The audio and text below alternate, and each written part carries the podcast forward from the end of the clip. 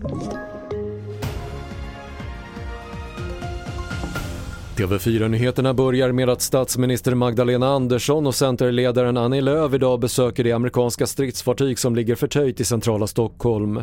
Andersson är besviken på Ulf Kristerssons ledarskap och valde bort moderatledaren inför dagens besök. Ska jag säga just Ulf Kristersson så stod ju han på en pressträff med mig för några veckor sedan och eh, sa att Sverige behövde samarbete och att vi tillsammans skulle lotsa Sverige genom den här svåra processen med NATO-ansökan. Och sen efter några veckor senare så lämnade då, eh, ville rösta bort en av de tre statsråd som är ansvariga för just detta.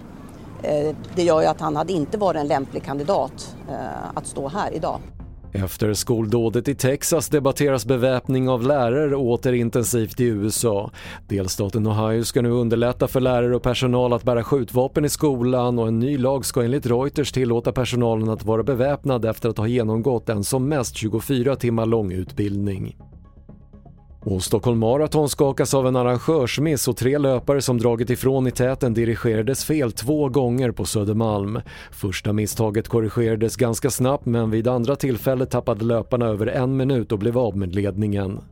Fler nyheter hittar du på TV4.se. Jag heter Patrik Lindström.